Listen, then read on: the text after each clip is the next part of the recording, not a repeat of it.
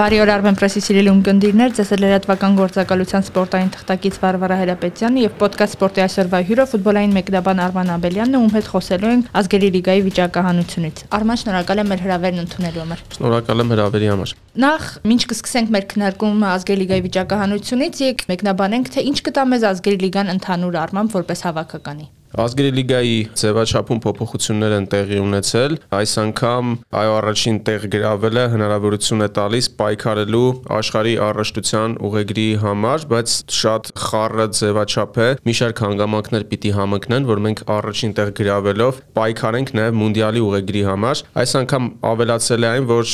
երկրորդ տեղ գրավելու դեպքում մենք նաև անցումային խաղեր ենք անցկացնելու B դիվիզիոնի երրորդ տեղի հետ, այսինքն եթե հաղթենք, բարձրանում ենք երկրորդ դիվիզիոն։ Ուղղակի այս պարագայում մի փոքր բարդ է սպասելիքներից խոսելը։ Սա աշխարհի առաջնության ազգերի լիգան է, ինչը շատ բան իրականում չի տալիս համեմատած Եվրոպայի առաջնության ազգերի լիգայի հետ։ Հիմա օրինակ տեսնում ենք, որ մարտին անցումային խաղեր են անցկացնելու Վրաստանը, Լյուքսեմբուրգը, նույնիսկ Էստոնիան։ Նրանք Եվրոյի ազգերի լիգային էին մասնակցել ու դրա միջոցով հիմա շատ լավ հնարավորություն ունեն դուրս գալու Եվրո 2024։ Իսկ աշխարհի առաջնության ազգերի լիգայում շատ ավելի դժ դժվար է դա անել։ Արման ազգերի լիգան որպես այդպեսի նոր մրցաշար է։ Արդյոք ինքն իրեն արդարացնում է որպես մրցաշար, որովհետև մենք հիշում ենք, որ աշխարհի եւ Եվրոպայի առաջնությունների ընտրական փուլերից զատ մեզ նման հնարավորություններ որպես այդպեսին չէին տրվում։ Մենք ունենք ընկերական խաղեր եւ ազգերի լիգան կարծես փոխեց ժամանակացույցը, խաղերի ընթացքը եւ այլ առհասարակ մոտեցումը հավաքականի նկատմամբ։ Իսկ թվում է մեր կարգի հավաքականների համար շատ լավ է, թոփերի համար ոչ այդքան, նրանք հիմնականում որպես ընկերական խաղերի են վերաբերվում, բայց օրինակ նույն Հյուսիսային Մակեդոնիան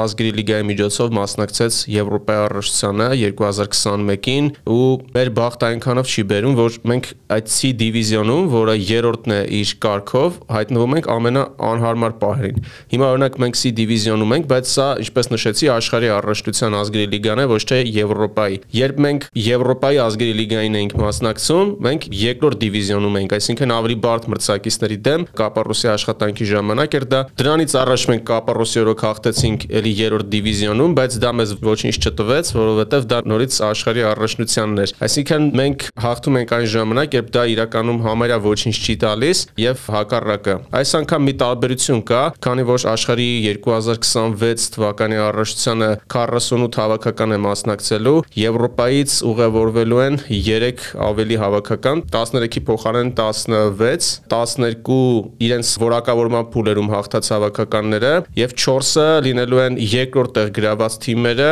ու ազգերի լիգայից 4 հավաքական։ Այդ 16-ը բաժանվելու են 4 փնջերի, պայքարելու են ու այդ 4-ից մեկը դուրս է գալու, կարճ ասած շատ բարդ ձևաչափ է, բայց մի փոքր ավելի մեծ է շանսը հիմա աշխարհի առաջնության ազգերի լիգայով դուրս գալու, քան առաջ։ Վերադառնալով վիճակահանությանը, որ տեղի ունեցավ օրեր առաջ, ինչպիսի թիմ ունենք, ինչպիսի խումբ ունենք ըստ քեզ եւ պետք է խնդրեմ քո կարծիքն ասես յուրաքանչյուր հավաքականի մասին առանձին։ Վարերան կղզիները կարգով ամենացածրն է։ Ճիշտ է, այնտեղ ֆուտբոլը սկսել է զարգանալ։ Օրինակ նրանց 21-երի հավաքականը անցած շրջափուլում մեր 21-երի հավաքականին հաղթեց, իրենց 19-ների հավաքականը 2 ամիս առաջ մեր 19-ների հավաքականին հաղթեց, բայց ազգայինի մակարդակով մեր հավաքականը շատ ավելի ուժեղ է ու պիտի որ հաղթի։ Հյուսիսային Մակեդոնիայի լավ ծանոթ ենք, վերջերս ընկերական խաղ խաղացինք ու պարտվեցինք։ Իրենց կարգը որոշ չափով բարձրացել է, նրանք այս շրջափուլում նույնիսկ Իտալիայի ու Անգլիայի պես թիմերի դեմ ոչ ոքի են խաղացել, բայց էլի չի ասի թե ինչ որ սարսափելի մրցակից է, նրանց մենք իզորու ենք հաղթելու, իսկ Լատվիայի դեմ էլի վերջերս ենք խաղացել, հաղթել ենք դժվարությամբ ու շատ վատ խաղով պարտվել ենք մի քանի ամիս առաջ։ Շատ դուր եկավ Պետրակովի հայտարարությունը, նա նշեց, որ իր համար նաև սա մարտահրավեր է ցավալի պարտության համար, այսպես ասած հակահարված հասցնելու։ Այնտեղ նաև մարշի փոփոխություն է եղել, իտալացի մարզիչ է գլխավորել Լատվիայի հավաք հավաքականը։ Ընդհանուր առմամբ նորմալ խումբ է, որում կարելի է պայքարել եւ պետք է կարծիքով գրավել առաջին տեղը։ Արման Պետրակովից մեջբերում արեցի, ինձ էլ զարմացրեց կարդացի տեքստը, որ նա խմբի ֆավորիտ համարում է Հյուսեյն Մակեդոնիայի թիմին։ Համակարծիք ես իր հետ։ Ունի հիմքեր, եթե վերջին խաղը հաշվի առնենք, նրանք իրոք մեզնից շատ ավելի լավ խաղացին, բայց դա ավելի շատ երևի հոգեբանական բեռը մրցակցի վրա գցելու համար է, այսինքն մի փոքր չի ուզում ճնշում գործադրել մեր հավաքականի վրա, որովհետև ամեն դեպքում սա ազգերի լիգա է ու առաջին հերթին ինչքան էլ հաշվարկներ կատարենք, սա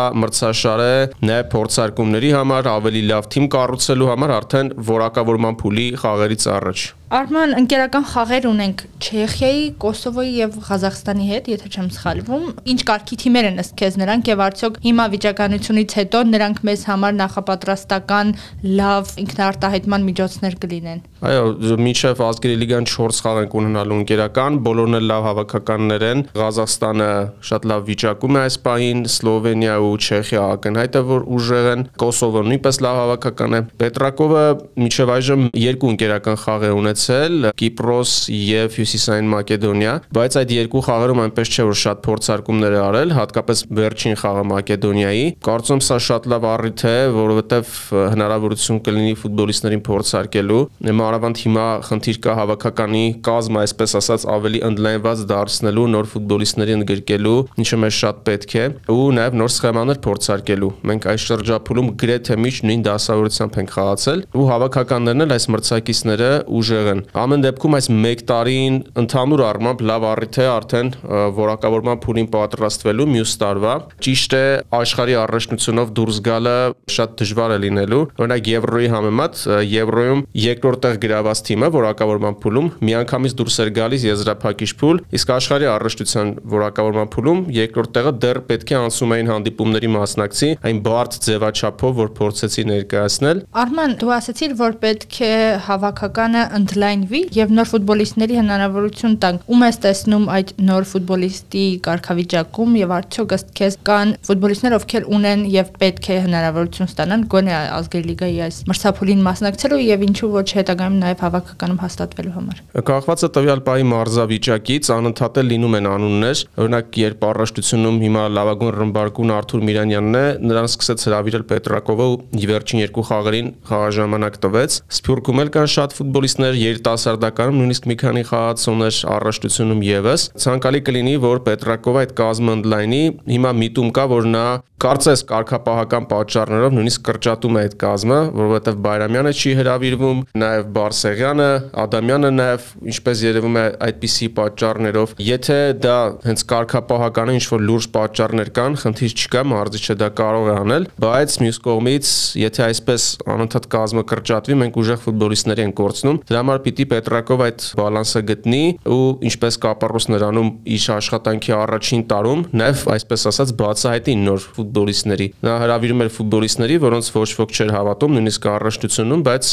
գալիս ազգային հավաք քաղաքականին օգուտ էին տալիս, ցանկալի կլինի, որ Պետրակովն էլ այդպես վարվի ու գումարած Փյուրքին ներուժը, որը անպայման պետք է օգտագործել։ Արման դու խոսում ես ֆուտբոլիստների մասին, իհարկե հասկանում Տողատակով ու մասին ես ասում, բայց նույն ֆուտբոլիստներն, ովքեր ժամանակին հեռացել էին եվրոպական բարձրակարգ չէ, բայց այլ լիգաներում հանդես գալու, հիմա այս դաթարի ընթացքում վերադարձել են հայկական ակումբներ, ինչի մասին է դա խոսում։ Արդյոք մեր ֆուտբոլիստներն այնուամենայնիվ դրսում ինքնարտահայտվելու խնդիր ունեն։ Շատ տարբեր պատճառներ կան, եւ հոգեբանական, եւ ֆունկցիոնալ վիճակի, եւ ֆուտբոլիստներ կան, որ պարզապես ճիշտ թիմ չէին ընտրել։ Օրինակ Պորտուգալիա առաջությունը, որ երևի շատ ուժեղ էր այս բային Արթուր Սերոփյանի համար։ Ես համոզված եմ, որ այդ երիտասարդները դեռ գնալու են, իսկ այն ֆուտբոլիստները, որ վերադառնում են, նույն օրինակ Կամո Հովանիսյանը, ես չեմ կարծում, թե դա վատ տարբերակ է։ Այս բային Հայաստանի Պրեմիեր լիգան ուժեղացել է ու չեմպիոնության համար պայքարող թիմերում խաղալը լավ է, մրցակցությունը մեծ է ու իրենք հաստատ կշարունակեն օգնել հավաքականին։ Խոսեցիր հայկական Պրեմիեր լիգայից, կուզենայի որպես մարտով ուղնուծուծով գիտի Հայաստան Հայաստանի առաջնությունը։ Արդեն մոտենում է առաջնության երկրորդ հատվածի մեկնարկը, թիմերն էլ գրեթե արդեն սելեկցիաներն արել են։ Ըստ քեզ այնուամենայնիվ մրցակցությունը վերջի շրջանում, վերջի հատվածում առավել կուժեղանա, թե քեզ համար ֆավորիտը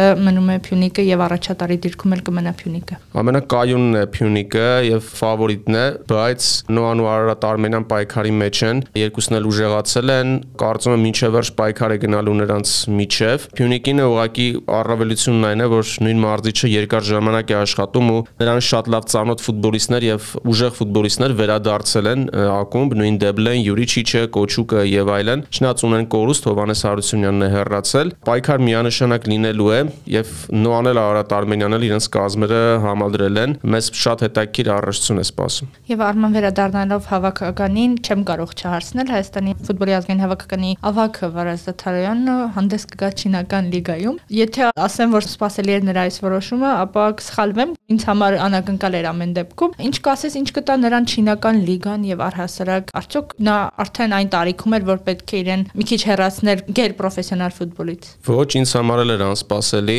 Նա ուներ Հայաստան վերադառնալու տարբերակ, նոան էր մասնավոր մասնավորապես ուզում հravirել, բայց նախընտրեց Չինաստան։ Ըստ իս նրա այդ կարիերայի անկումը շատ արագ եղավ։ Մի քանի տարի առաջ նա դեռ Կադիսում էր խաղում եւ նա գուցե կարող էր շարունակել մնալ Իսպանիայում։ Նա ունեցել է հնարավորություն Սեգունդայում խաղալու երկրորդ լիգայում Իսպանիայի։ Իսկապես նրա խաղամակարդակը այնպեսին է, որ դեռ կարող է ավելին անել։ Գուցե այս պահին նրա համար առաջին տեղում ֆինանսներն են, որովհետեւ մտածում է, որ գուցե այդպիսի շահավետ առաջարկ հետո չունենա, չեմ կարող ասել, զուտ նրա խաղից դատելով, հատկապես հավաքականում, նա պատրաստ է ավելի ուժեղ թիմում էլ խաղալ, ավելի ուժեղ առաջնությունում էլ։ Շնորհակալ եմ շատ Արման։ Շնորհակալություն։